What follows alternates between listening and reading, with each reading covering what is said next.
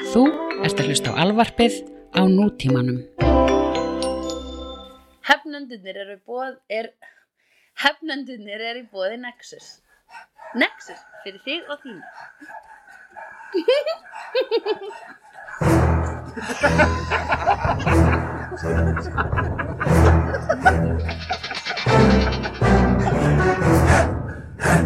Það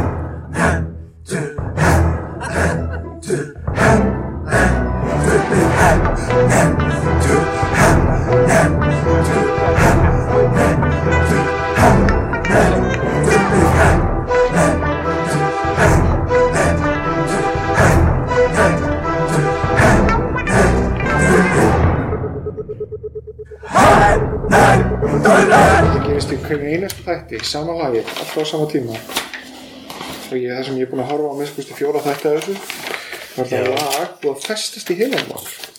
Þetta er um sem sé Súvi Súví, það er eldunar af fyrir. elduna aðferðina Súvi og það er, sjó, það er á YouTube þættir vantilega Já, það er YouTube, YouTube þættirnir uh, Súví Everything. og Já, Það er ekkert, þú, þú ert ekkert að fara að finna eitthvað comedy gold í þessu sko. nei, Þetta er alveg, þetta er alveg svo, svo hrúðleðilegt sko.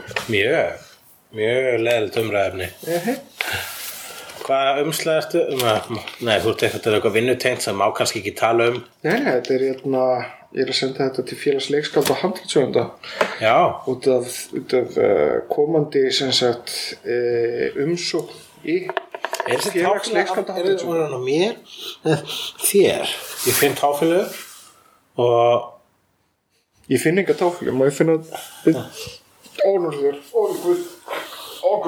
hún er ekki, nei, ég finna þess að þér? Hún er algjörlega þér. Má ég finna aðeins? þetta var fúl tál Má ég finna þér? Já, nú er mér oi, Svo finnst hún verri sko úr fjarlæg Ó. fyrir, fyrir mér, sko, þegar ég set Helli, þú ert með fokking þú ert með fótasvepp, Nei, nei, þetta er ekkit jú. Þetta er bara, hérna Þetta er, uh, hvað heitir það? fótasveppur Nei, þetta, þetta er svona, hérna uh, Já, ok, ég, ég veit ekki af hverju ég var að tala, tala eins og ég væri með einhvers konar niðurstöðu sjálfur um hversin er svona vondlegt að tala um að mér. Já, sko, og það er mjög vondlegt, en þetta gerist alltaf bara þegar ég er nýjum þetta er ógæslega líkt. Þetta gerist alltaf þegar ég er nýjum skóm. En nei, ekki, ekki alltaf, en í sumum nýjum skóm aha, þá verður lyktin ógisla vond. Þá kann til ég búin að eiga þá lengi. Og það er alltaf svona íþrótt að tengdu skór sko ég er svona kortir í að guppa þetta er svona þessi vond, vond líkt sko. Æ, come on man oh, æ, come on man, grow up here þú ert allavega búin að láta eitthvað vaksa af fokking Áttu svo táfélagsbrei nei, já, ekki tafyrirsprey Já. Það er þess að þú gæðilega með fullkomna fætur þarna táfélu dómarinn þinn. Nei, nei, ég fekk, ég fekk svona eitthvað tíman svona athlete's foot. Já, en ég finnum eru- þetta eru hrein, glös fyrir, fyrir þig, sko Þú Já. fengið vatn. Ok, það er bara svo mikið drast hérna á. Já, þetta er, uh, það fór, það sprakk hérna póki af, af, uh, af beef jerky? Herru, það, jú, algjörlega, herru, ég ætti nú bara kannski að fara að láta skoða þér með fætuna en það er í orðin svona íþróttavættari maður heldur, heldur en ég hef annarlega verið og, og það er svona kemur nú svo sem ekki á óvart að uh, það fylgir því þessi- fylgir kvillar fylgir kvill- kvillar höst lífverðnis eins og uh, athlete's foot. Ef að þessi lykt er á löppunum er þetta nýju sokkar? Nei, þessi, so þessi sokka fekk ég uh, Nei, ég er að tala um að hver að þóður þess að sokka síðast uh, ég, bara, ég þvóði það á Er þetta hreinir sokkar? Já, þetta er hreinir sokkar Þetta eru hreinir sokkar. Þetta eru hreinir sokkar og þú ert í nýjum skóm og þú ert samt með þessa fúlu Ég lykt af- af reyndar er þetta löppunum. sömu skór og ég hljóp í hérna marathonni Þannig ég er búin að hlaupa í einn fjórðunga marathoni í því Já. Ég reyndar sko allt í allt alveg örgulega tvö, þrjú heil marathon Já, Ok, Jesus Christ Ég breytaði upp á þessu málefni. Ég veit ekki á hverju. Ég veit ekki Þú tókst greinlega ekki eftir þessu fyrir en ég sagði þetta. Þú svo voru upptekinn að þessari umsókn til handrita og bla bla bla hvað sem það var. Já uh, Við erum að sækja mig í IHM-sjóðin sem því það þá getur maður fengið tekjur af verkunum sínum sem þegar þau eru sínt í sjónvarpi Já, jú, akkurat, heyrðu, shit, ég þurfti að skrifa, ég ætlaði að skrifa undir eitthvað svona. Já, rithöndasambandi er sem sagt búið að vera haldið um þessu mál Það var senda, var verið að senda mér hérna, hei, ert þú ekki alveg með okkur í liði í þessu gladaða máli? Já. Svo var þetta, þetta mál útskýrt Já. fyrir mér og ég sagði, já, mér heyrðist þetta vera eitthvað sem ég er með í liði, hvað var þar? Ég held að okkur sjónvars og, og eða handriðtöfundum langi kannski til þess að hafa eitthvað um þetta að segja sjálf. Fá þeirra krabbi díl, svona, þú veist, ég, fæ, ég hef oftast fikið krabbi díl en, en uh, ég held að fólk fá almennt krabbi Já, díl. ég fengi vandræðilega lítið úr þessu. Vandræðilega lítið. Já, já, Og sérstaklega í hlutfalli við það sem að maður hefur nú skrifað sko. Já, nákvæmlega. Þú, ætt, þú ættir að búa eitthvað starf annar staðar hérna en hva, hvað er annars þessi bygging sem þú býrði í? Þetta er bara íbúðarhús Er þetta ekki svona einhver öryrkja? Nei, þetta er ekki öryrkjablokk Það er ekkert öryrkja hér Það er ekkert, er ekkert gamalt fólk og það er engir öryrkja hérna. En- en- Þú, þú, þú, þú svarar þessa spurningu eins og þú eru spurður hann mjög Ég hef verið spurður um mjög og þessi, það er mjög óþólandi vegna þess að, já já, það má vel vera hún lítið nú Það er vegna þess að ég Er einmitt að spá í því. Það hafa aldrei neynir öryrkja búið það hafa aldrei neynir ellilífur Hvað væri að því? Hvað? Hvað tóttum þetta? Það væri eitthvað að því ef ég var að búa hérna Nei, nei, þetta er bara, þetta er svona 80s arkitektúr, mjög leiðilegur og stofnarlegur okkur neginn. Já, hann er hræðileg En hérna, uh, ég þóri bæði að við ekki að tjá mig lengur um arkitektur og þess að ég er að deyta arkitekt Já, og er svona, er, það, er þetta flott? Er þetta slæmt? ég Þannig ég ok. er bara að hugsa um öll hús núna, hvað hana var þar segðu bara á sér þetta dans um arkitektúr.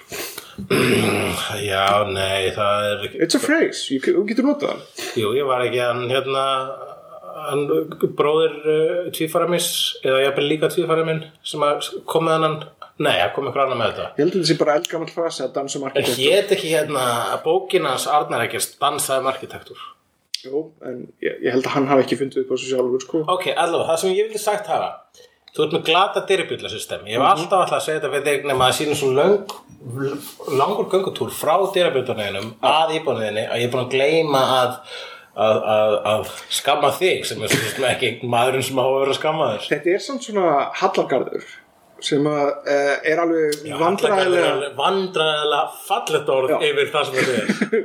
Sem er svona svo vandræðilega illa nýttur vegna þess að þetta verið sundlu hérna. Þetta verið eitthvað svona kósi svæði sem að Við gera nýta. einu sinni upp hérna, þátt í þessum hallargarði vegna þess að við heldum að hann veitti okkur skjól sem kom Hann í gerði ljós ekki að vindurinn eðlaði þann þátt sem var 20 bestu gaman þættir allra tíma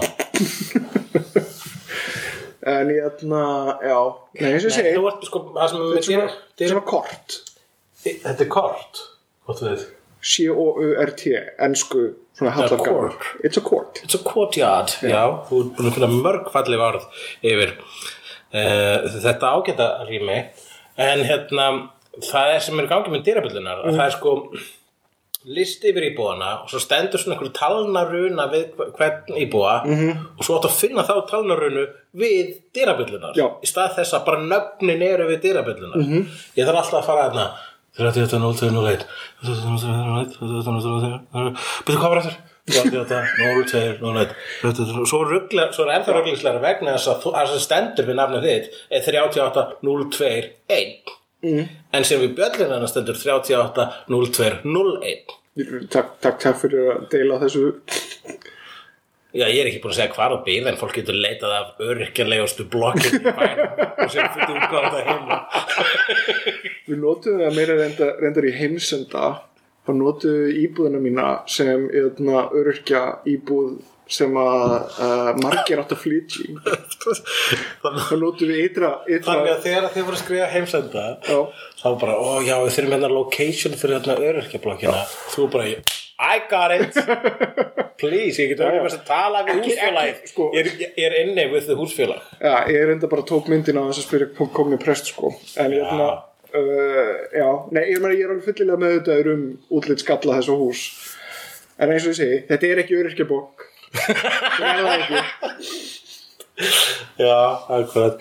En þú hefur líka sagt mér skemmtilega sögur af því þegar þú hefur verið að fylgjast með svona uh, vo- svona confused walk of shame Já. í hallargarðinum vegna þess að ef, ef, ef, ykkur leiðbinnið er ekki hvernig átt að komast hérna út Já, þá er það bara mjög erfitt Já, þannig að þú sé svona fólk með samfara hnakka vera svona vafrum garðin eldsnemma á lögða þessa sunnudagsmóndum. Já, og það er mjög fyndið að fá sér kaffið og svona kíkja út í garð og fylgjast með samfaranökunum ráandum í reyðuleysi Það er mjög fallið. og svona og verða, verða sífelt einhvern veginn eh, panikari Já, bara, svona eins og, eins, og, eins, og, eins og dýr einhvern veginn sem eru búin að koma að staði að þau eru Já, einhvern kom með hann óta í au, augun sem að aðeins fólk sem er að hugsa á ég þurfa að ringja fokkin dyraböllu hvað er áttinn svona hann heima? Nákvæmlega, nú með hvaða björn? 38 nú, Það lítur allt eins út hérna. Oh, fuck Nei, nei, ég veit hvað óttið þetta er Þetta er óttið sem segir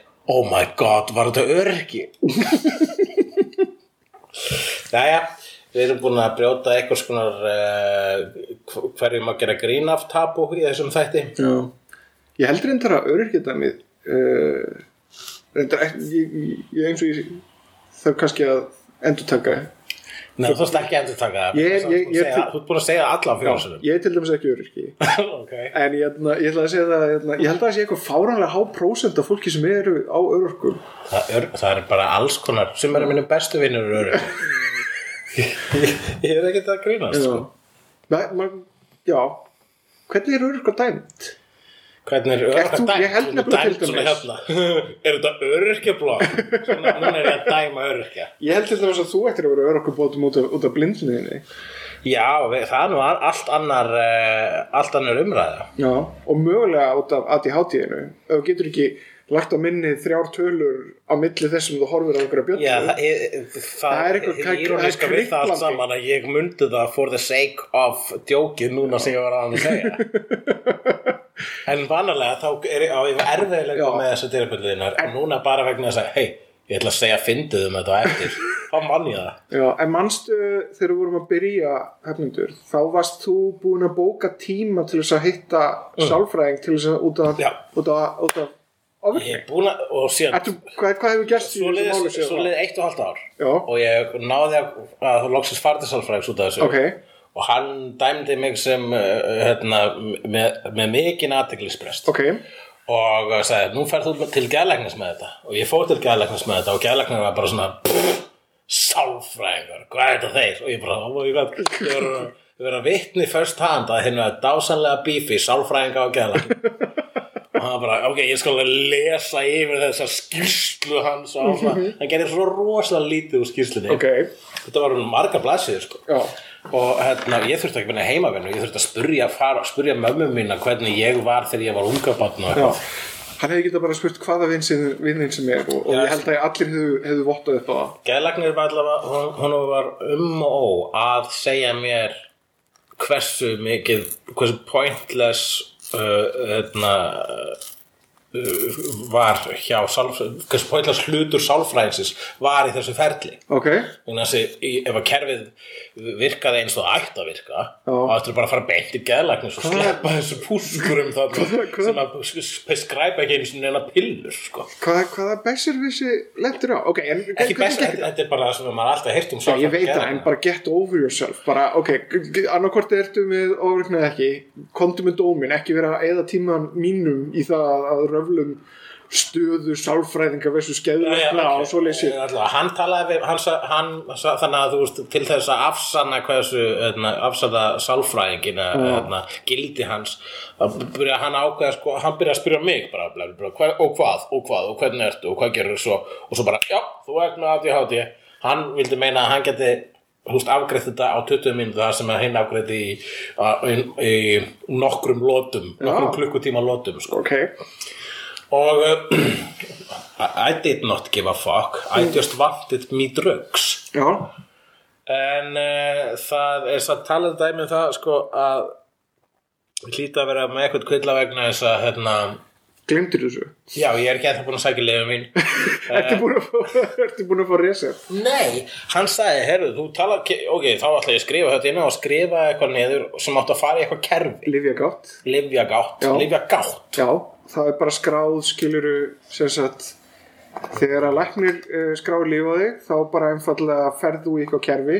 Hann segir vanlega í hvaða apotek lífjagáttin er, er skráð og þá getur þú farið þangað bara og sótt lífiðin þú getur líka, þetta, er, þetta ætti að vera kannski mögulega bara upp á þitt, þitt val hvar þú sækir þannig að þú gæti mögulega farið í Costco og tjekka því Já, ok, sko, málega ég reynd, síðan átti ég að koma í annan tíma til hans og, og svo vildi svo til að ég var í Sviss þegar það gerðist Já. og ég ætla, ég var, var bara sá í símanum mínum, þú átt að mæta þetta sálfræðings í fyrramála, ég bara, fuck, ég er í Sviss, best að láta sálfræðingin vita að eh, ég kemst ekki. Mm. Heyri, það er vist, ég kemst ekki, það er engin, hérna, tókst mér ekki að senda síðan hérna, honum e-mail þá vegna þess að það var lélegt netsamband þar sem ég var og þetta glemdi ég síðan bara strax eftir það.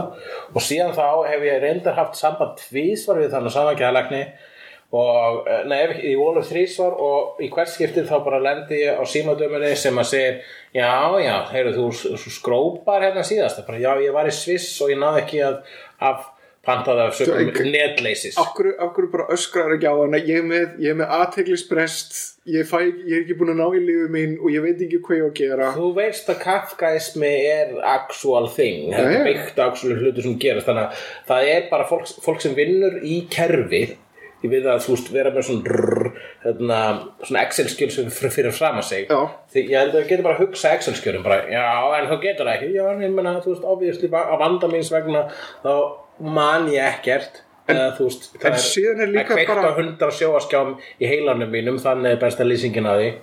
Og hérna þannig að ég reyndi að segja bara ok, getur þú sagt hann um að hringi mig? Og svo hringdi hann aldrei aftur í mig. Ég komin hinga á, í livja hvað livja gátt. Já, þú verður eiginlega að fara bara í apotek og spyrja hvort að það séu skráð líf á þig og, og, og lífseðil sé skráður á þig einhvers staðar. 500 við 6 Já, ég veit það, það er apotek sem er opið til miðnættis. Þannig í lámúlanum það er einu að minna eftir. Ég skal bara skuttla þanga og skulum sjá hvort þau getur fundið út úr þessu. Ég hef ekki fengið líf og lífið gátt þannig að ég veit ekki hvort þetta sé skráð eitthvað sérstætt apotek eða bara almennt í einhverju kerfi. Maður ætti að sjá það sko, ætti, ég ætti að geta nálgast á netinu eitthvað, eitthvað staðar Ég, ég bara veit það ekki þá verður maður að fara á, að, að afkvæmsli bara til að fá að staðfesta að þetta hefur verið af ég skal ringi sýstu minna, hún er hjúknarfræðingur, hún veit öruglega betur um þetta. þetta Eftir, eftir að þáttinu líkur, þetta líkur, þá skulum við finna út úr þessu fyrir þig. Já, ég þarf, ok Herra, hérna, það mun ekki gerast Nei, ég meina, hvað er langt síðan að þetta gerist allt saman? Hvað, hvað ertu er búin að, að vera Hvað ertu búin að dolla það lengi? Tveggja ára ferli, allt þetta sem ég er búin að segja frá þá er þetta, þá er mögulega dottið úr kerfinu Já, síðan. ég held, held að þessu öruglega dottið úr kerfinu. Er það meir en ár síðan? Ég ringdi í hana hérna, síma, símadaman og hún sagði þú ættir að hjá það hérna í njö, sem er inn í, eh, í það sem þú ætti að fá ísleikil fyrir. Já, ok, þannig þetta fara ekstra og skrá ísleikil. Já, og ég gerði það og ég sá það var ekki, og það var einmitt svona eitthvað sem að livja mengi þar í, á þeirri vefsíðu Já. og það var engin skilabóð til mig þar þannig ég bara, er, það er ekki neitt þarna Ok. getur þú get ég fengið aftur að tala við gæðlækning get ég fengið að komast aftur í kerfið á að refsa mér að eilifu fyrir að vera í Sviss þegar ég átti að koma í annan tíma til þessa manns já. Og hvað sagði við því? Mér, ég reyndar, ég, ég, sko, fyrir mér er þetta, ég er mest spenntur fyrir bara tilvísunum það hvernig þú myndir breytast ef þú fengir lifið aðtilsprestunum. ég hef Hvort að þú fengir svona svona laser fókus og bara pungaður út einhverjum er nefnilega 20 sko einu sinni inni. var ég að að hitta stelpu fyrir löngu sem að var á þeim livjum sem ég á að fá mm. og hún lefði mér að smakka og þá dagar sem ég smakkaði holy shit ég bara afgreiti fyllt af ykkur svona reikningum Já, og tók til ha, já. Ég, bara, ég þarf að komast aftur þangað á þannig stað. Ok, og bara þú veist og ég hef líka svo prófaði aftur og bara afgreiti ykkur að fundi og var bara svona þetta var bara þetta var life changing sko. Uh og núna alltaf þegar, maður, þegar ég er bara alveg rétt ég þarf að tala um sálfræðingin í annarkvort þriðja eða fjóraða eða fynda skiptið. Já, gleymi því strax. óþólandi, ég hata að vera í þessum heila Já, en hann hefur líka gert þér gagn. Það er, þú veist, Það er sko, uh, það eru kostur og gallar við þetta. Það er, þú veist, þú ert ör í hugsun, þú ert ör í að tengja saman hluti sem þú ættir ekki að tengja. Þetta er svona hluti af listinni. Um, en ég er að menna, ég held að það séu alveg svona bara skeið þar sem að, ég held að þetta sé ekki neitt svona gaglegt fyrir daglega það lífi. er ekki gaglegt, það er að, þetta með hundra sjóaskjána skjána í heilanum að manni, það, er það, það er það sem það er sko, ég er bara svona stundum næja að horfa einn skjáin og þá tekst mér eitthvað sem, sem ég þarf að afgreða, en vanalega er ég að horfa á hundra skjái og er bara, uh, betur, uh, hvað er stöðin sem ég var að fylgjast með? Og festist í annar stöð og svo annar stöð, þetta er hræðilegt sko. En hei, það er 9-11 í dag Já. Málefni dagsins. Hvað varst þú þegar að tvíbara törnunni fjalli? Ég var nefnilega, þegar, þegar ég frétt af því, Já. þar að segja, í Nexus. Nú? Já. Og hvað hva, hva varst það? Manstu, manstu augnablíkið? Ég man augnablikið að ég kom í Nexus þegar ég var á hverfuskutu mm. og þá voru Gísli og Pétur voru þar Já. Og bú- búðin tóm, þetta var í þá daga þegar Nexus var stundum tóm var svona búð sem að svona kom inn What? svona Þú veist, það hefði getur verið haldnir einhverju sitcomar þar, það hefði ekki getur skrifað heila svona romantíska gafmynd um Nexus, mm. neða þess að það var aldrei neitt að gerast þar. Já. En um, þá, uh, ég, var að vísa í astropíu myndin eina, sko, bara svo svo fólk fatt. Tíu rámali í dag. Tíu. Nei, tíu rámali á, á árinu. Og uh, já, þannig að ég man bara að þegar þetta var sagt við mig, þetta var að gerast, -hmm. þetta hefði verið greinlega gerst á göngutúrum mínum á milli frá Ellaví að Nexus. Já. komum við í Nexus og leiðinni heim úr skólanum það var eitthvað sem að ég gerði stundum Ok. og ég man að, að ég sagði upp átt wow sem þess að var cool. Uh, já. Maður náttúrulega graspar ekkert alveg veruleikan og svona situationi lengur en maður var bara svona ég var eitthvað jaded og hugsaði shit flugvélar í tvíbura turnana -hmm. og líka bara þegar þetta var sagt það var svo skáldlegt að ég var ekkert alveg að kaupa þetta. Þannig að ég var bara svo wow flott pizza bíómynd Pétur. Já. Ég var í tíma í ennsku í háskólanum. Þegar ég fekk svona SMS frá Eiríki vinnu minnum. Eiríki Jónsson. Eiríki Jónsson í Jarðabó. er það það að það hefði, það hefði verið flugvél sem að hefði farið í annan turnin og þá var, það var ekkert vitan eitt meira en það raunverulega og þá ég var að veltaði fyrir mig hvort að það hefði verið svona lítil sessnavél eða eitthvað Já, ég, ég, ég skildi það þannig fyrst en síðan þegar ég er í farþöðavilar þá, var þá sagði ég wow, Steven Seagal mun rocka í bíómyndunum þetta. Sem hann eiginlega var í. Hann var í kvikmyndinni Executive Decision Executive Decision það sem er besta Steven Seagal myndin. En það er ekki bara vegna þess að hann deyr fyrir hlje Er það ekki undir seat samt? Ne- Nei, hann, hún, Já, er, hún ok. er betri en rétt. Já. En Kurt Russell er alpersónan í þessari mynd Mhm. uh, og það er svona twist í myndinni að, að Steven Seagal deyr fyrir hlje Já, en uh, ég meina þú veist þeir, þeir hljóta hafa það er ger, það er ekki það sem gerði myndina góða þrátt fyrir það er það að, að, að maður hugsi það strax og maður heyrir það uh, uh, Já, það er jötna, en svo mynd fjallaði um sko terrorista Mhm. Sem að tóku yfir flugvél og alltaf henni í kvítahúsi Já, og Kurt Russell bjargar því Og hún var gerðið löngu fyrir 9-11 já. Síðan var hann að uh, Lone Gunman þátturinn hann þar sem að þau voru með atriði sem að snýrum þetta Já. fljúa í. En herðu, ef við í hvað er að gerast? Ef við tölum aðeins um samt svona hérna, popular kultúr uh, svona relevance 9-11 skiptir það máli, ég menn þetta er bara 16 ára ammali já, já, já, en mér langaði til að tala um það Er það? Já, ég er ekki að tala um það við þurfum ekki að Ok. tala um það sögum hérna uh, fjölmiðlalegar ábyrðar okkur hefnenda heldur bara vegna sem er til, langað til að tala um það. Nefna, ok, það sem að ég man eftir er að jötna, ok, Spiderman var fyrsta bíómyndi sem kom út eftir þetta en henni var breytt. Að það var atriði í trailernum sem að Sko, það er fullt af hefnendum það sem að, það sem að hann jötna, greip þyrlu á milli tvíburaturnina með vefnum sínum. Ég man eftir þessum tísir, hann er örgulega á YouTube núna en það var það bara atriði sem átt að vera í Spiderman bíómyndinni sem var tikið út. Bankaræningar í þyrlu festast í vef sem að Spiderman vóf á milli tvíbaratönnuna Já, það er magnað og líka það var plakatið það var þannig fyrsta plakatið var af nærmynda af hausnum að Spiderman og tvíbaratönnuna speglast í auganas þeir þurft að breyta eitthvað þessu. því. En málega þannig að þetta er einn fyrsta myndin sem kemur út eftir atbyrðin sjálfan og varð síðan bara stærsti hittarinn og er eiginlega svona upphafið á overhedju sumrinu. Það er hérna kenningar um það að það eru einu eftir atriði bætt í- inn í eftir, eftir atbyrðina eftir atbyrðina uh, hinn á voðulegu atbyrði þá hérna að það er eitthvað atriði þar sem að Green Goblin og, og Spiderman eru að kljást á Brooklyn-brunni. Mm. Og svo byrja allir um borgarbúar að kasta svona dóti í Green Goblin. Svona, láttu Spiderman vera! Við erum frá New York, þú appast ekki upp á okkur, New York!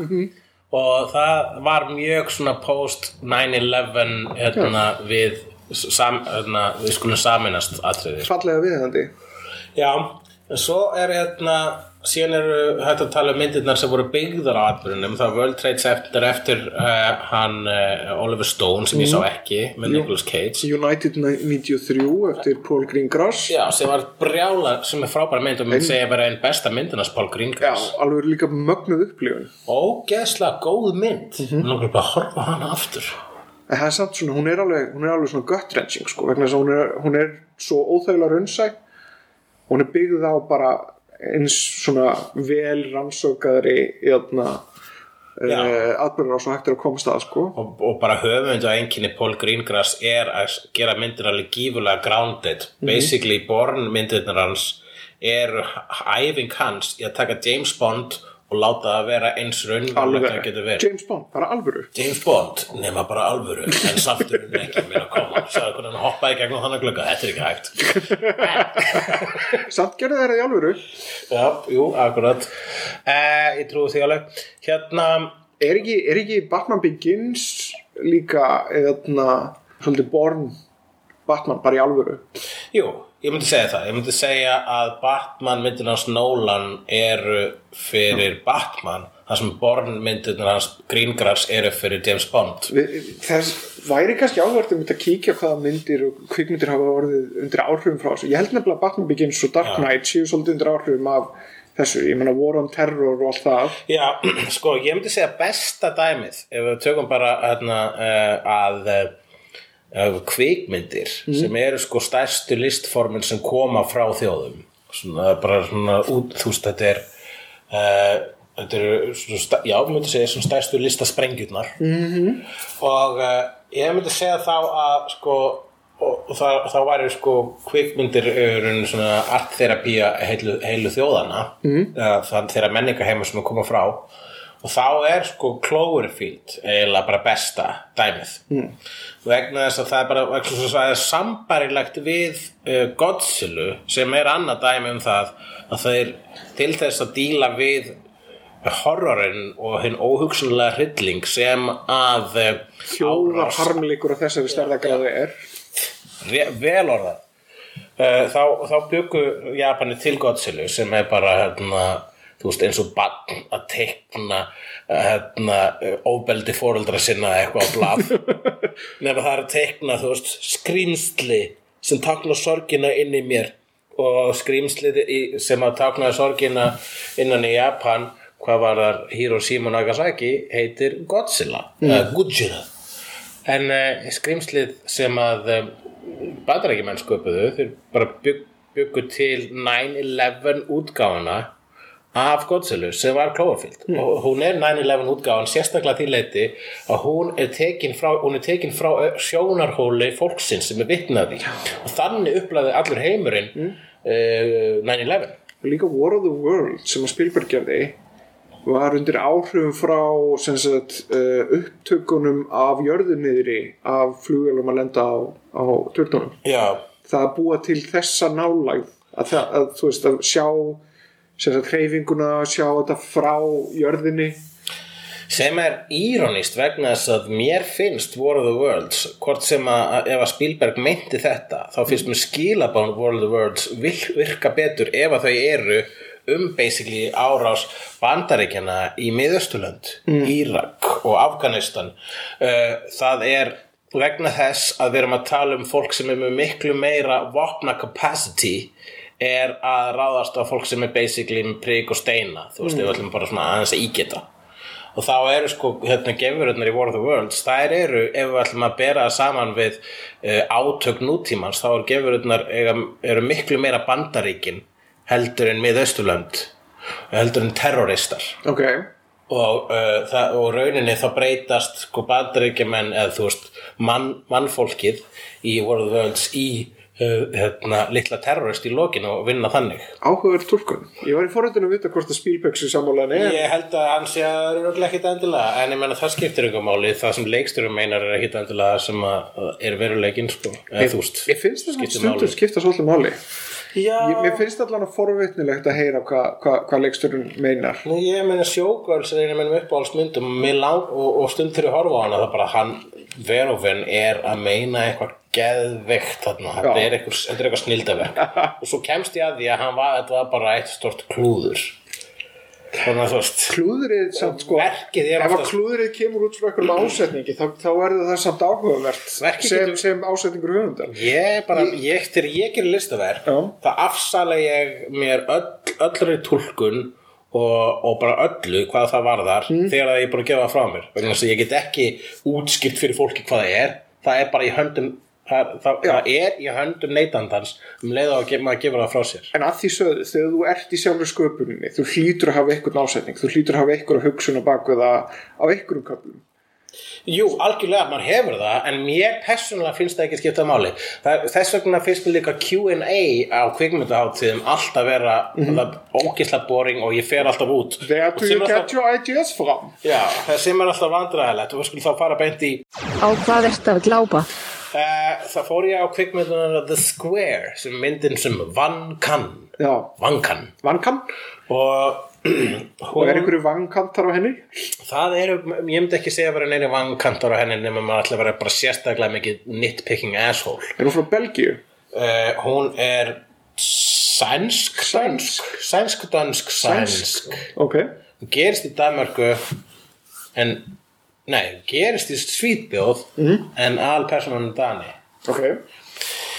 Anyways, Það er svona artmynd eða um, um list eða um listaheimin, já. Já, og hún er algjörlega stórkostleg. Frábær vegna þess og það sem að henni tekst að gera er það sem er erfitt að gera. Það er það að taka list eins og hún lítur út í dag og la- gera hana að að þú sett að skálda list innan heimsins þú ert að skapa. Þess að þegar ég gerði hérna hulla þá lét ég stundum koma svona listamenn. Blöndal. Blöndal, ljóðskaldið og svo var einhvers konar svona, svona parodía að uh, gjörningaklúbnum og, og svo framvegis. Uh, og ég get aldrei þú veist, ef maður er að gera grína list þá nær maður aldrei, það er svo erfitt að reyna að ná að gera almennilegt grína hana vegna þess að listin sem þú þarfst að skapa inn í skálskapnum verður aldrei jafn djúft eða flott og það sem þú varst að gera grína en Já. til þess að ná að geta gera grína þá þarfst ég alveg að verða bara svolítið láta hérna skálduði listamenn vera svolítið góða listamenn. Þannig að þú þarfst að vera tvöfaldi listamaður. Þú þarfst að vera listamaður meðan þú ert að gera verkið sem að fjallar um list og þú þarfst að vera actually listamaðurinn sem er að gera verkið innan listinni. Já, satt satt. Þessari mynd tekst að gera þetta. Já, ok. ef, að, ef að, þetta er sk- það sem ég var að segja er alveg skýrt fyrir þér. Ég, ég, ég, bara,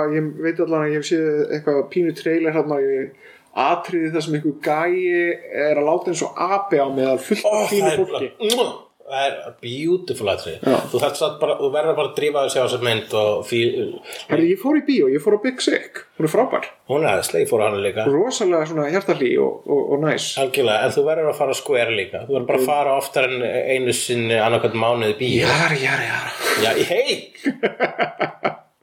practice what you preach e, e, og ég hérna og tekla þessi hefði nátt að fara á það skver ég hefði farið á hana reyndir ef ég hefði komist en það var eitthvað, eitthvað sem að það var eitthvað bóðsynning hérna sem að ég þarf á sem ákvað hvað?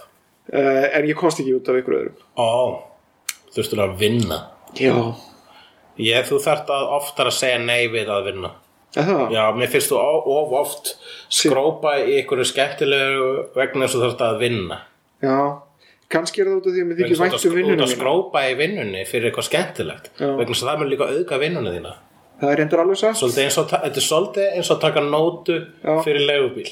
Eða, eða, eða dinner með einhverjum svona viðskiptavinnum ég skil þig, Já.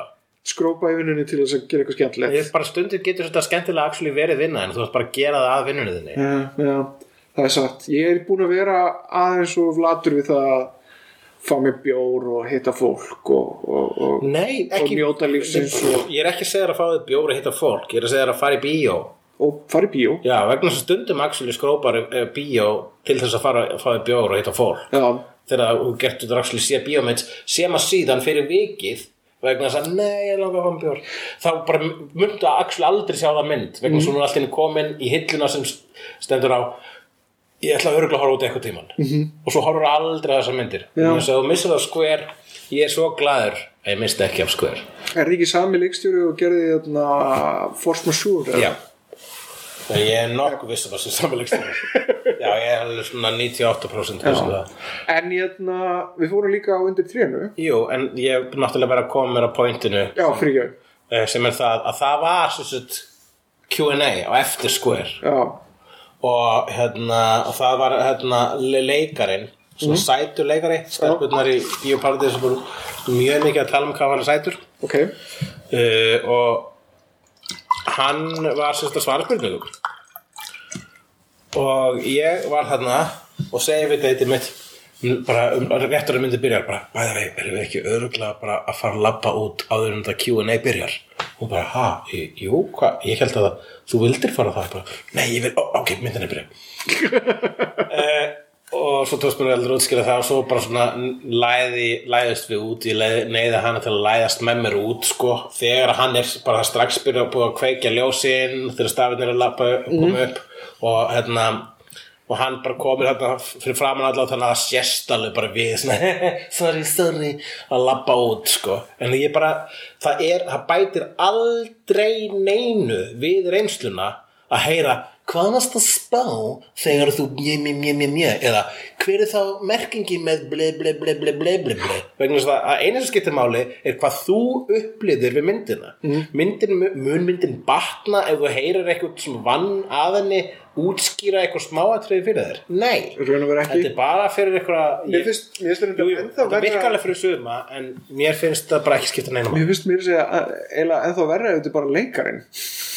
Já, nú er Á þess að gera lítið. Nei, á þess að gera lítið úr leikurinn þá, þá er það einhvern veginn það er, það eru öðruvísi það eru öðruvísi upplýsingar sem kom úr því ég menn það er, þú veist, hvernig lesa þær í karakterin, hvernig lesa þær motivationir Ég, mér finnst að það ætti að vera á skjánum mér finnst skrítið að fá einhvers konar öðruvísi leiðaði að skilja Ég veit. hvers vegna að Ég, já, jú, jú, það er alveg það, það, þú sem sagt segja að þú myndir bara gera það eða vera leikstjórinn Ég, ég, held að, ég held að ég myndi frekar til fóltaði mitt áherslu hvað handreitsöfundur en, þannig 100-200 en jafnvel handreitsöfundurinn er vanalega ekki neitt sérstaklega vel máli farin eða hefur eitthvað áhvert um þetta að segja sko.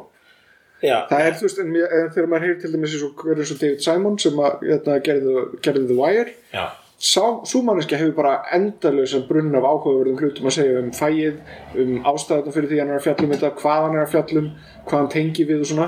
Já hann er- kannski svolítið á bara hvort að Gauris við vorum að fara að tala við sé bara nógu drullu skemmtileg Já, og ef þetta er Werner Herzog Eða Werner Herzog þá er Þá fucking mættu við. Svo Werner Herzog, þeir tveir leikstar sem þetta helst hlust á og þeir eru mjólikir Werner Herzog og Kevin Smith vegna að Kevin Smith, hann er basically stand-up comedian. Já, hann, hann sko, þú veist, það er, þú veist say what you want about these movies Mhm. en hann er alltaf skemmtilegur á sviði er, það er hans sanna list? Já. að, að segja sniður hluti? Hann er góður sögumæður Mhm. þó að, ég meina, þú veist, hann kann í persónu? Ég meina sérstaklega í kvikmyndum eins og Jersey Girl og uh, hvað, var, hvað er aðra lélega myndir eftir hann?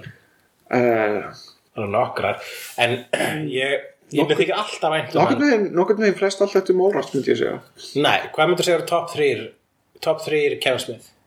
Uh, Clerk, Smallrats uh, ég pínu hallur undir dogma. Já, ég ætla að segja Sagan Miri í þriðaskiptið Ok. þriðasætið Clerks 2 í annarsætið og Mallrats í fyrsta sætið. Mm. Clerks 1 ég horfi alltaf Clerks 2 fram yfir hana. Clerks 1 er afreg Já. pínu kraftavert actually en Clerks 2 er miklu horfanlegri mynd. Og það er bara, þú veist, actually góði leikarar í henni. Mér finnst bara ómikið af svona ríkgörg svona, svona tugðum bröndurum. Bröndurum sem er búið að sjá, sjást í annari útgáfu og þetta er bara svona endurtekin útgáfa eitthvað neginn Jú, en eh, Kevin Smith er kortið regurgitator. Þannig að þú veist, hann getur það. Það er bara, og svo er líka ákveðin ást í myndunum hans meira það er lélögu myndunum hans. En það er bara vegna sem þið ekki vænt um helvítiskallin mér finnst það samt skemmtilegustu þegar hann að tala. Ég finnst það en ég, nei herðu hvað hétt hérna Red State, ég, ég myndi setja hann í þriðasett Já, ok, ég er nefnilega ekki sé hann. Red State er góð. Ég hef ekki þóra að ég þóra að horfa á þessar nýju kynslu myndans ég, ég myndi segja, sko, ég, uh, Ég hef ekki séð heldur Tusk. Já, ég hef ekki séð Tusk en mér finnst Red State bara genuinely góð mynd Já. af Kevin Smith að vera en, en jötna, nei, mér finnst hún bara freka góð. En aftur á Q&A hérna, ég hef nú sitið eftir á í nokkrum Q&A og ég gerði allir eins og Eli Roth. Það var ekkert svo leðilegt Já. en ég, það er líka þegar þú ert að gera eitthvað svona B-mynd og ert bara með genuine sko óíronískan áhuga á uh, þeirri stjættmynda ég myndi segja að það var einhvern svona lower class myndir. Já. þá nennið ég að hlusta á þig En hvað viltu fá, hvað viltu fá að heyra í þessum kringustöðum? bara svo skemmtilega sögur af ferli Já, það er það sem er skemmtilegt. Já, Það er það ekki- sem ég hef Ég vil ekki vita En uh, hver, hver tilgangurinn með þessu atriði eða eitthvað, það Nákvæmlega. er bara, nei það er fyrir mig að ákveða. Ég vil ekki fá útskýringar á myndinni. Ég vil aftur á móti fá, þú veist það, maður fær svona einhvern veginn meiri fyllingu í, í kvikmyndagerðar hlutan Já, með því að heyra skemmtilega sögur skemmtilega Tjörnir. sögurnar er nákvæmlega. Það, eh, ef þú ert að fara að greina verkið þú veist, það er þú verður ekki klárari að heyra hvað ykkur var að meina. Þú er bara, hef, þú er bara hins vegar eiginlega svolítið klárari að heyra hva, hérna, hversu að, þurftu að þurka út prumpuhljóð í einu atriði vegna þess að uh, Seth Green gæti ekki hægt að prumpa. Ég veit ekki hvað það var leikara nafni sem ég greip. Nei, það var reyndar í Usual Suspect þá gæti ekki Benicio del Toro hægt að prumpa. Og þess vegna voru þeir að hlæja svona mikið. Alveg rétt. Alveg rétt. Uh, en síðan sá ég líka einu sinni hann Dario Argento þegar hann var, sérstakur gestur á Riff gerir ég ráð fyrir og þá hérna, var verið að sína uh, Suspiria. Mm. og hann svaraði spurningum eftir á. Og þá er meitt sko kemur sko, hann kemur vandræðaleg spurning og vandræðalegt svar. Og það er þetta sem ég er alltaf að reyna að forðast. Ég lenda alltaf ekki svona að vera svona að facepalma í svona Q&A það, það er svona að- eiginlega ástæðan ég hætti að stunda svona. Og það var þá spyr stelpa réttilega spurningu en ég menna koma hún, hún spyr hérna af hverju er alltaf að verið að drepa konur í myndunum þínum? Og ég bara, ó já, afvísli þá er þetta réttmætt spurning en bara ég, þú veist. Mér finnst þetta tótali rétt. Þetta er rétt, tótali réttlega spurning en heldur að Dario Argento eldgaml ítali sé að fara að svara henni á einhvern góðan hátt. Þar sem hann svarar þetta hérna Oh yes, uh, I uh, love women. And I like uh, to uh, work uh, with women. They're so beautiful. Og salinu var svona sláðu svona með og, og, og stelpar sem spurði og svona Þetta var backfire þetta er í fullkomna sagar fá frá Dario Argento. Þetta er það sem maður myndi búast við Nákvæmlega, veistu hvað maðurinn gerði? Hann er alltaf morðing. Hann klæði sig, hann er alltaf leður hans að Ó, gera hann- konur í þessum myndum. Þess vegna, hann þess vegna Tarantino að reyna að kirkja Diane Kruger í hérna. Jöp, Tarantino stál meira þess að því En hann það er sko bara þetta uh, hér var verið að reyna að opna eitthvað gálega umræðu Já.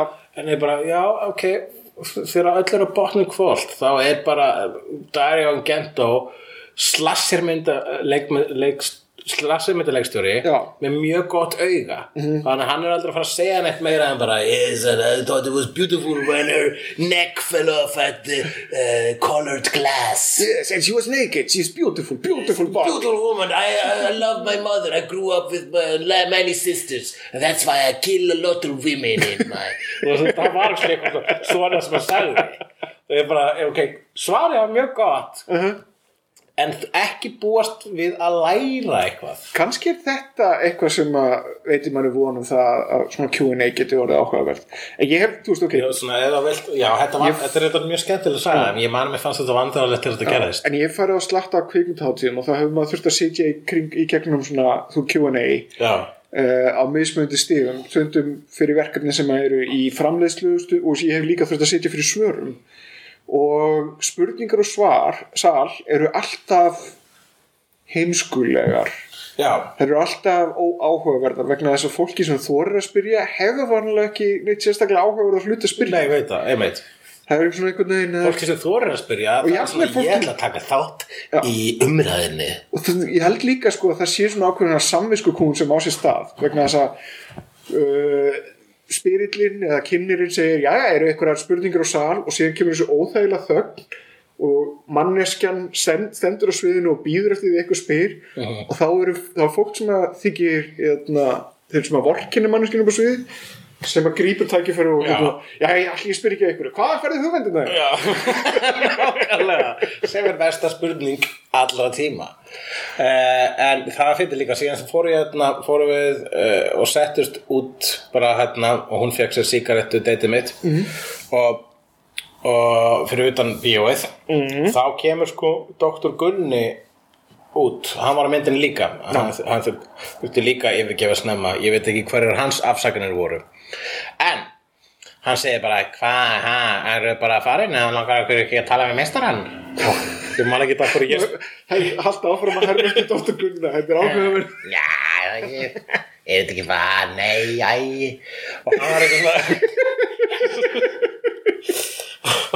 og ég veit ekki af hverju gerur ekki fleiri eftirhermu ég veit ekki af hverju ég spurði hann ekki svona á hverju þú ekki að tala við meistarinn? Sem er mín eftirherma á mér.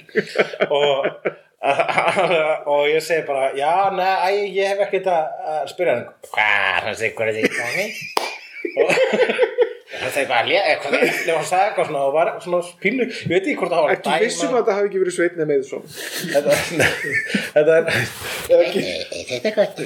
Þetta er gott. En hérna hann, já, hann sagði bara hvað, hafið séð eitthvað hafið séð eitthvað betri mynd, já, ha? Og ég man að ég ætla að, koma, ég ætla að svara svona kaltæðnislega og ég ætla að segja já, Spiderman.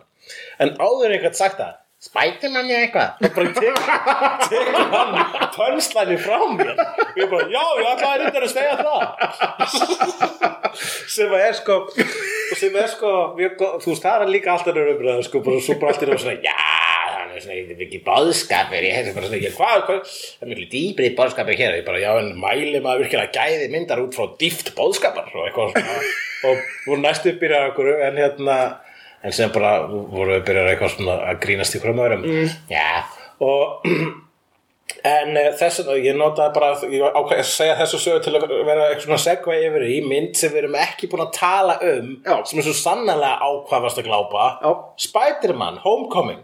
Voru við ekki búin að tala um hana? Við erum aldrei búin að tala um hana. Þetta ekki að djóka Ég veit, ég heldur þurfum að setja dingulið aftur á. Ok, Á hvað ertu að glápa? já, Spider-Man Homecoming Besta Spider-Man myndin Já. Ég sagði það þegar ég kom út á henni Þú varst hugsi Nei, nei, veistu, þú sagðir það ekki. Hvað sagði ég? Þú sagðir besta Marvel myndin. Besta Marvel myndin Já.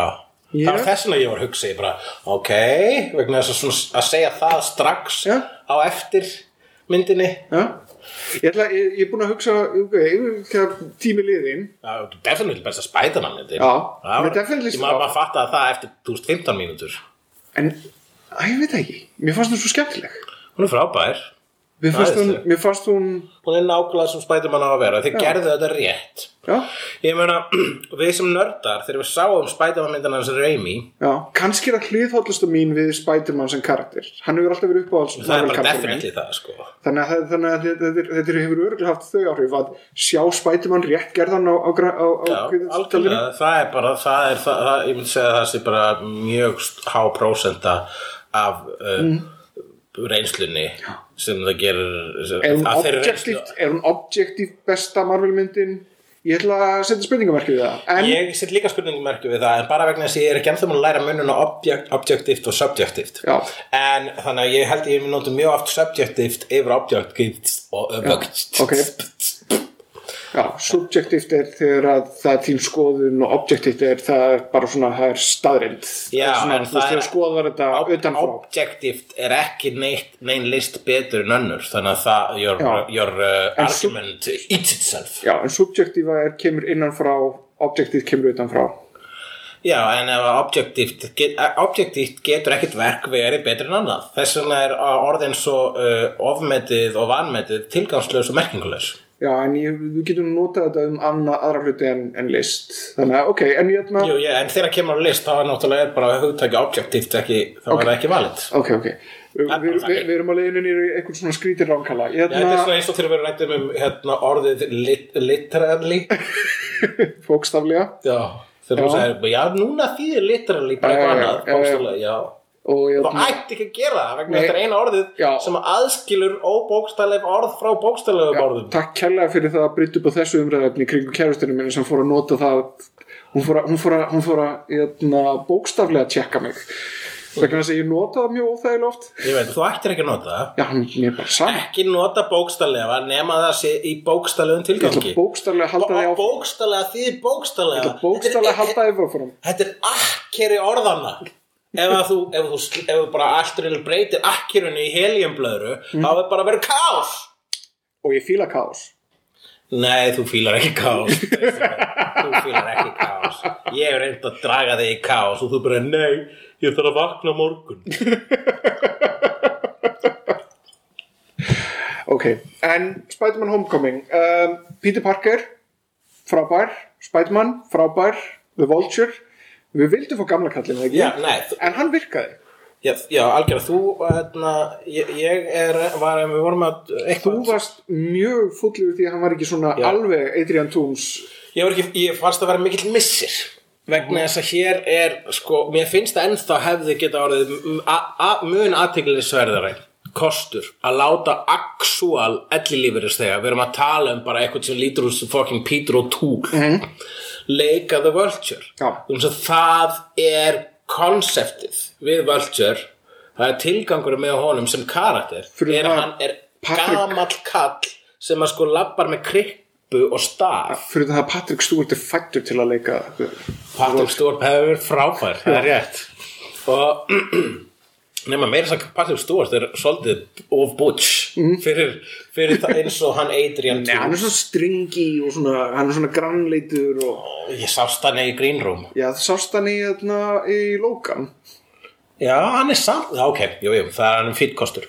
Hérna, Ég er bara að rífast um hérna ég, En Michael Keaton stóð sem sko. en í þessari nýju útgáfu af The Vulture þá sem ég varst ganga alveg fyllilega upp Michael Keaton er stórkostlegur í þessari mynd og hann er alveg öruglátt, hann myndi alveg fara top 10, kannski top 5 yfir bestu Marvel Cinematic Universe vondukalla -hmm.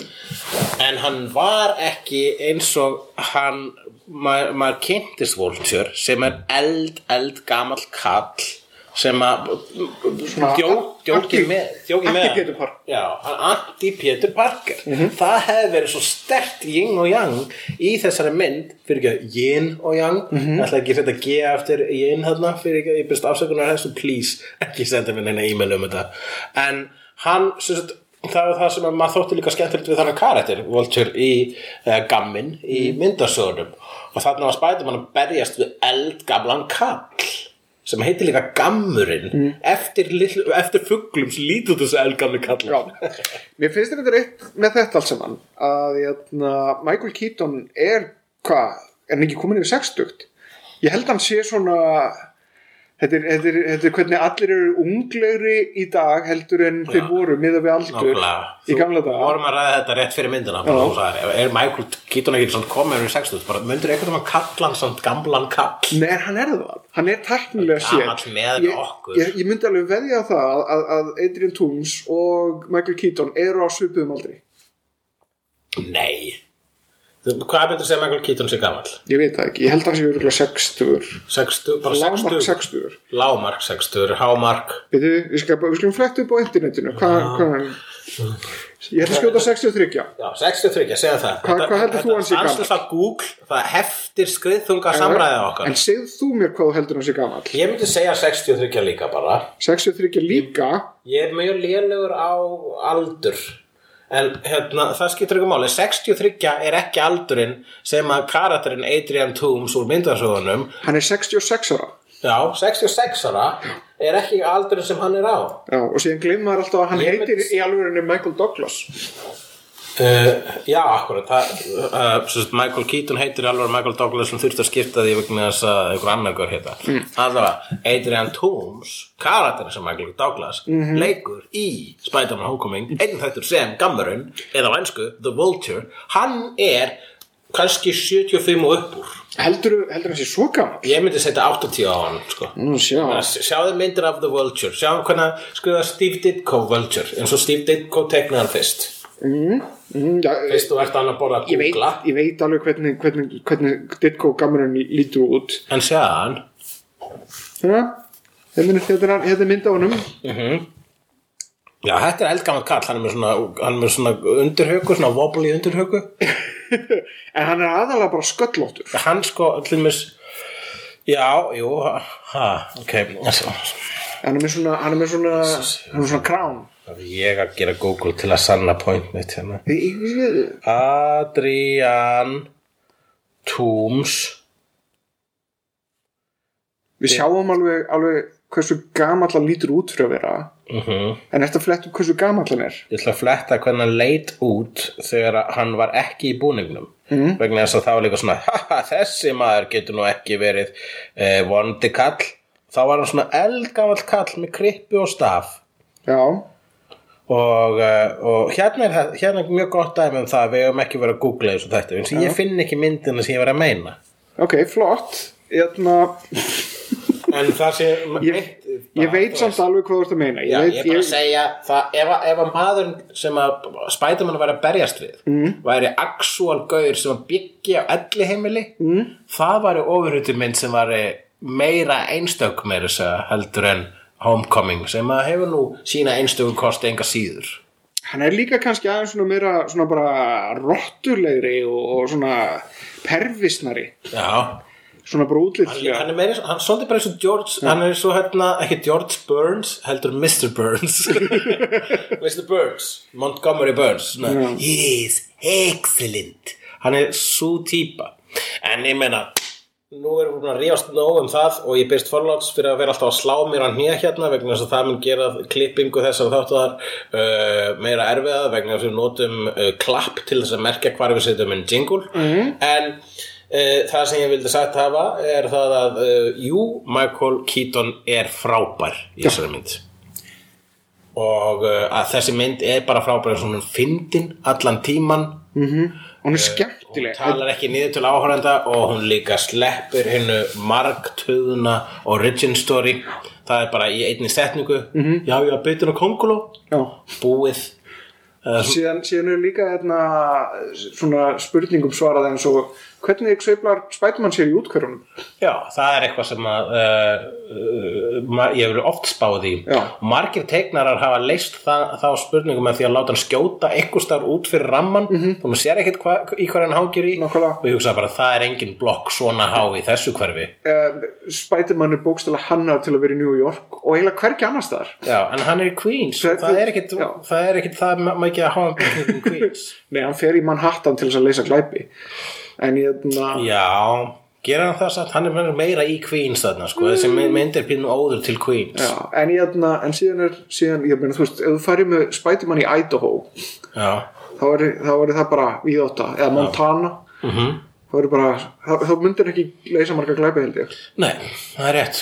Maður leysir bara ma- ma- eins, sem að staða. staðfistir þá klassísku mýtu til að leysa glæpi hraðar þarf það að geta sveiflaður á mikli hárra húsa. Til að komast rætt á milli staða til að leysa glæpi. Til að leysa glæpi til að fara fyrir til rættum milli staðar en, uh, já uh, erum við ekki að fara að koma út á DFT bráðum bara? Eða Blu-ray, Jafnvel Blu-ray Ég fæ mér hann sjálfsögða Blu-ray kemur ekki út á DFT lengur Já Ég var að kaupa þessar nýju þarna, hvað er hún, frönsk hryllismynd sem heitir Raw. Mm. heitir örgulega á frönsku Raw.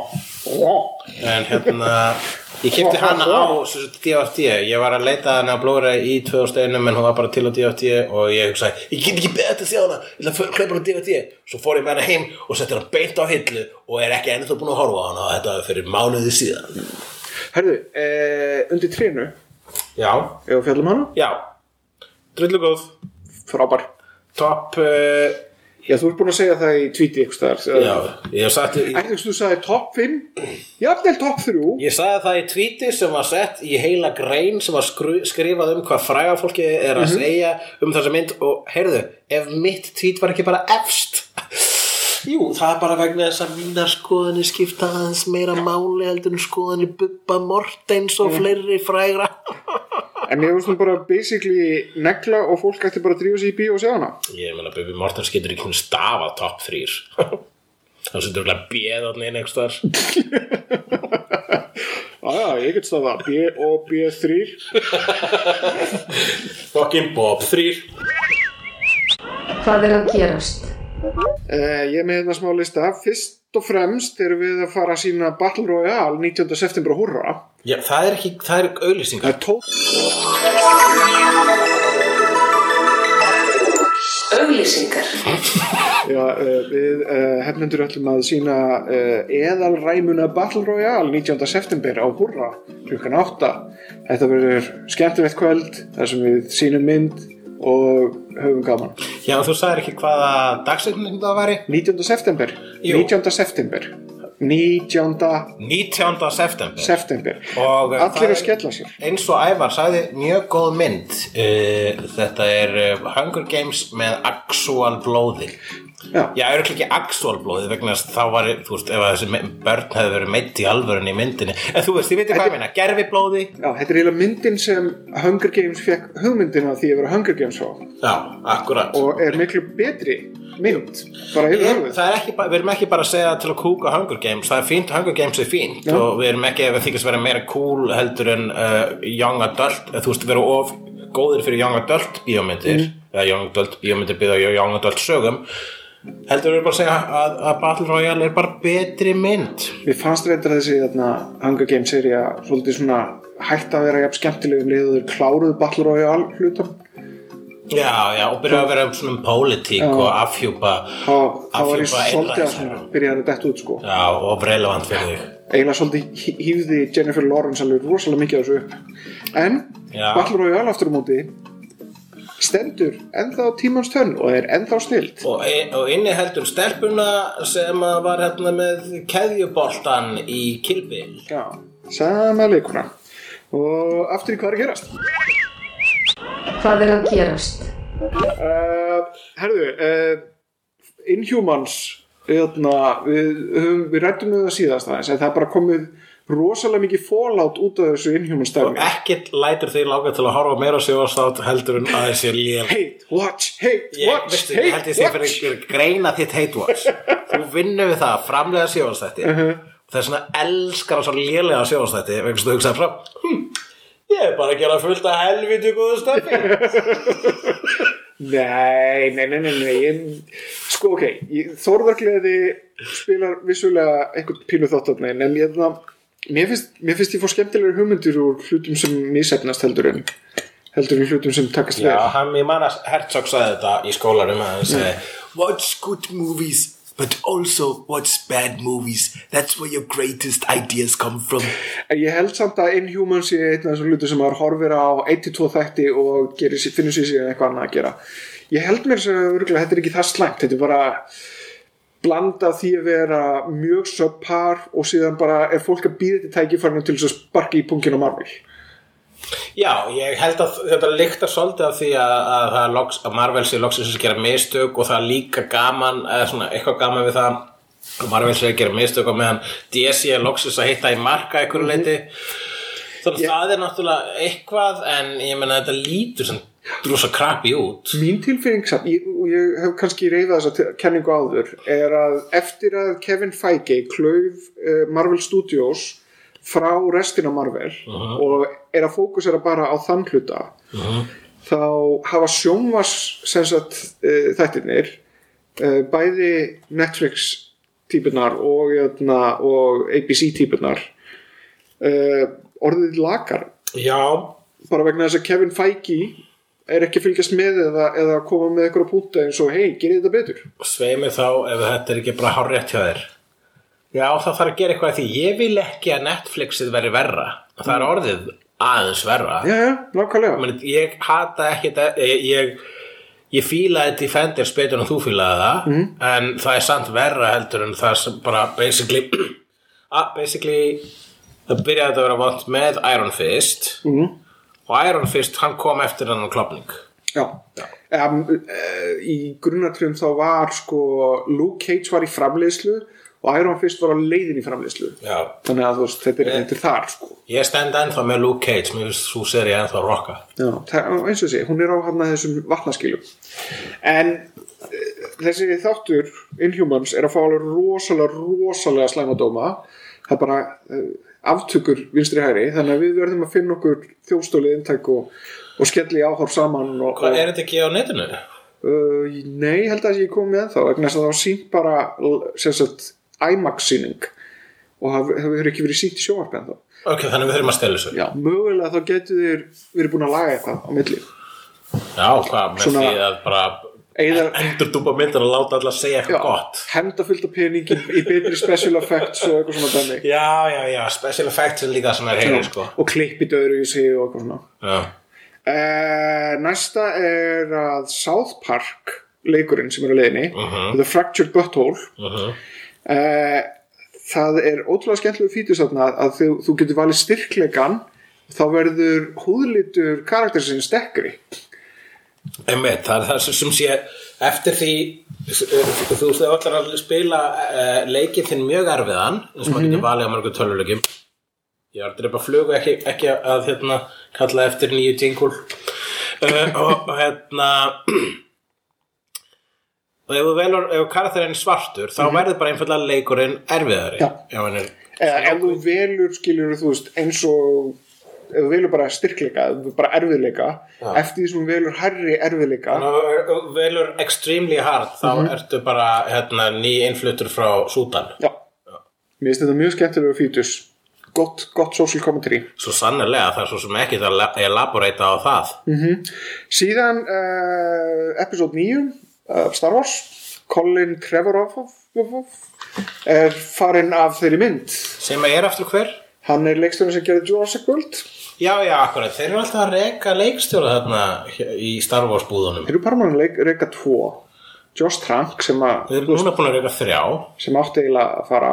Já, uh, já, þeir eru búin að reka Þeir fjóra eru búin að reyka fjóra tæknilega. Já, Phil- Lord og Chris Miller. Já, sem að, átti, sem að leikstjóra saman megninu af nýju hans hólamyndinni en gerðana og fyndna eða eitthvað og þess vegna fekk Ron Howard að gera hana meira venjulega. Já. Ég held þannig síðan að sé ekkit því, ef, núna þegar ég segja það upp átt hún var bara of, var mikið, of mikið flip. Já. en það gerða sem ykkur um að gera Batman Lego myndina. Já, þannig að síðan ekki bara, "Æ, þetta verður að vera minna hlip. Getur ekki fengið eitthvað venjulegan til að jafna þetta? Og það kemur, ég er venjulegur. Ron Howard heiti ég. Hefur séð myndina mínan það er allar ógísla venjulegar. Æ, sem eru fínar. Sem eru hérna, ekkert svo venjulegar. Við höfum, höfum rækt þetta áður og, og nú erum við með Colin Trevor og farin út og það á eftir að velja nýja leikstjóri á það.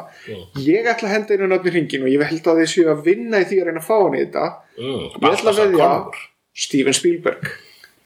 Wow, ætla, ég, þetta, þetta er mitt skot í myrkrinu. Shit, ertu sturdlaður Það hann átti að leikstýra einni mynd en var upptekinn við annað. Uh, Hann var í perfect fit á þetta. Ég myndi, þetta er vera tilvalin pæling og uh, tilvalin, uh, þetta vera góð hugmynd hjá þér ævar. En ég vil gera að vil, það veri gert gott betur og hann fái standalone Star Wars mynd en ekki hluta af sögunni. Hmm. Eða The Saga þegar ég segi sögunni.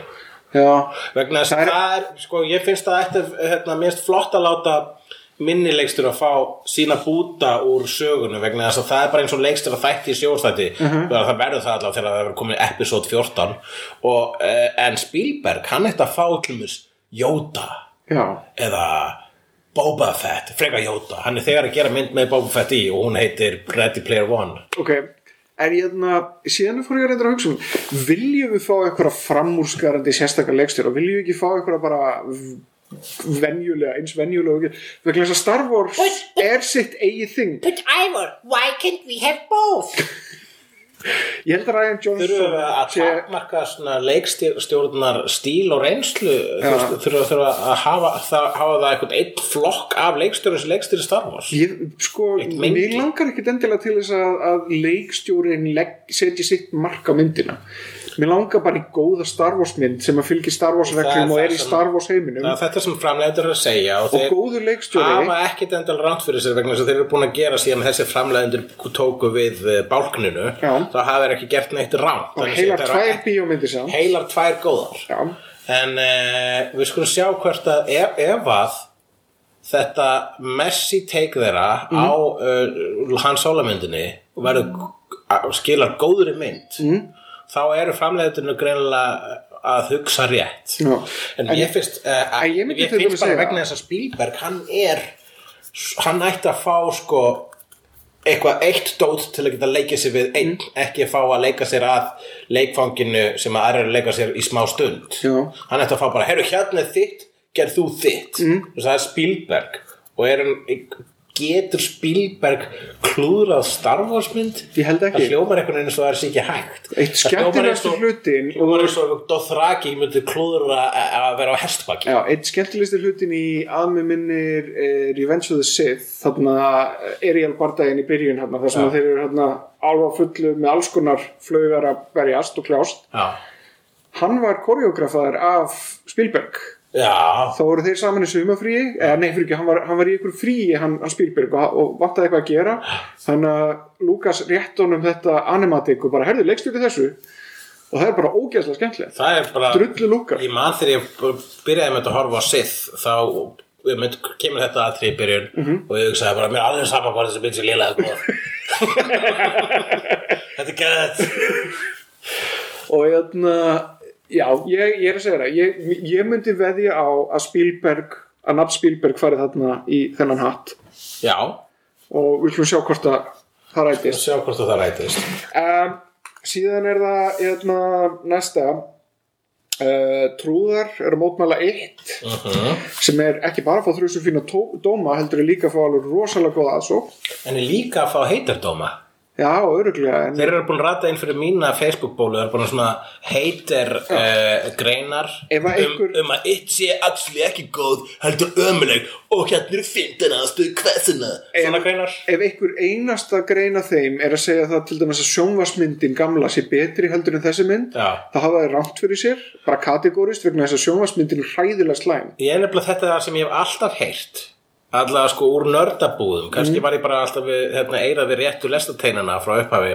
En vegna þess að svo mynd er svo hæpuð og hún er svo klassisk og hún hrættur svo marga krakka og ég ætla alltaf að sjá hana. En svo sögðu nördabúðunar við mig Nei, Hulli, hún er allir glötuð, það er bara einhvern nakka sem er þetta góð. Og, hérna, uh, og þess vegna hef ég alltaf sleppt í að sjá hana, ég á hana eftir. Ég held að ég muni síðan bara þegar öllur botni kvöld sjá nýju myndina. já, já þess að hún lítur betur út og Ég- fær betur dóma. Ég ætla að leifa mér það að, vegna þess að eitt var fyrsta Stephen King bókin sem ég las 12 eða 13 ára. Og hérna uh, sem sagt, mamma og pappi voru að keira með mig eitthvað, eitthvað út á land og ég var að lesa mig í aftursætinu. Og ég bara traumatiseraður og mér finnst þetta frábær bók. Og ég ætla bara svolítið að lifa með þeirri minningu vegna þess að mér finnst myndin alveg hræðileg þessi sjónvarsmynd og ég veit ekki hvort þeir þurfa að sjá þessa nýju mynd. Ó, aðteglisvert, þannig að ég ætla að sjá nýju myndina og aðra og þú ætlar að sjá gamlu myndina enga aðra þrátt fyrir að þú veist að gamla myndin sé raunin léleg. Hún, ég, ég vil ekki þurfa að sjá meiri eitt ég bara, þú veist, mér, finnst- núna vil ég halda í, mi- í minninguna bókinni. Já, ég skil, ég meina þið þykir mjög vænt um eitt að vegna og svona traumatismu. Ég skil það, það mjög vel. Ég á sama samband við hérna Woman in Black. Og þess vegna fokk nýja Woman in Black mm. þessi mynd þarna með Harry Potter og of mörgum og teknibók þú ert ekki búin að sjá hana Ég er ekki búin að sjá hana Já. Ég ætla ekki að sjá hana Ég vil sjá Mitt Woman in Black var einmitt sjóasmynd mm. -hmm. einhver BBC einhver BBC dæmi sem að eyðilaði Já, ég er ekki til að mynda búin að horfa á alla League of Extraordinary Gentlemen ég hef séð allt í allt svona 20-30 mínútur Já, em, það er all, úr allt öðrum Það er allt annað Nei, ég veit að það er, það er seria, það, það myndasögu seria sem ég elska á tilbyr. Já, já, já, en meina bíómyndin er líka hún er ekki byggð á myndasögunu hún er byggð á hugmyndinni Já. og er hræðileg Eh, herðu, síðan er hérna, eitt, einn skemmtilega hérna, eitt frétt í kringum þetta. Alamo Drafthouse sem að hélt þarna uh, bara kvennasýningu fyrir Wonder Woman endur tóku leiki með eitt og heldur bóðsýningu bara fyrir trúða. Já, Hvar eru allir triggered bros fyrir þetta? áttu við bara hei, bara með bara trúður fara Já. Ég verði að þetta ekki fordóma gegn ekki trúður Já, nákvæmlega, hvað eru þessi triggered bros? Akkur, ekki samtök fyrir ekki trúða? Sem eru svona við mótumælum þessi þessi Það er grunnatrið miklu stærra mengi. Það er eiginlega næstu því allir aðrir Nákvæmlega það er verið að útskóa rosalega mörgum. Uh, Já, Og akkur, eru þeir ekki alveg brjálaður út af þessu? Akkur yeah. var þeir brjálaður út af Wonder Woman kvennasýningunni en ekki brjálaður út af þessari sýningu? vegna þess að hér er hér er skeri kenning. Ég held að kallar Já, séu hrættari við konur en trúða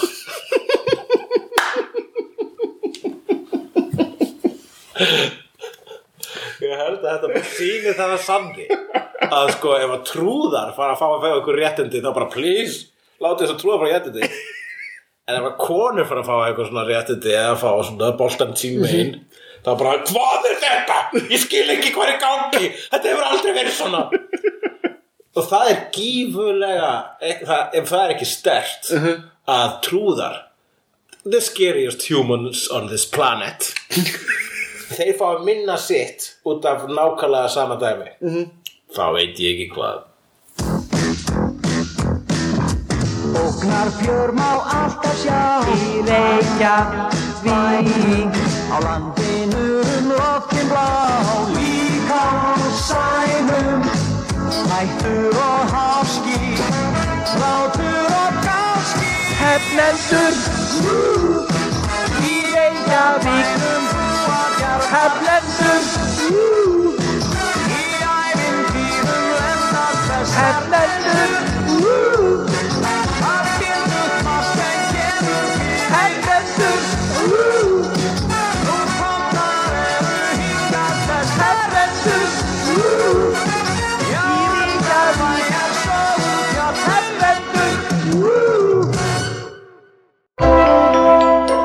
Þú finnur fleiri skemmtilega alvarpstætti á nútímin.is. Takk fyrir að hlusta.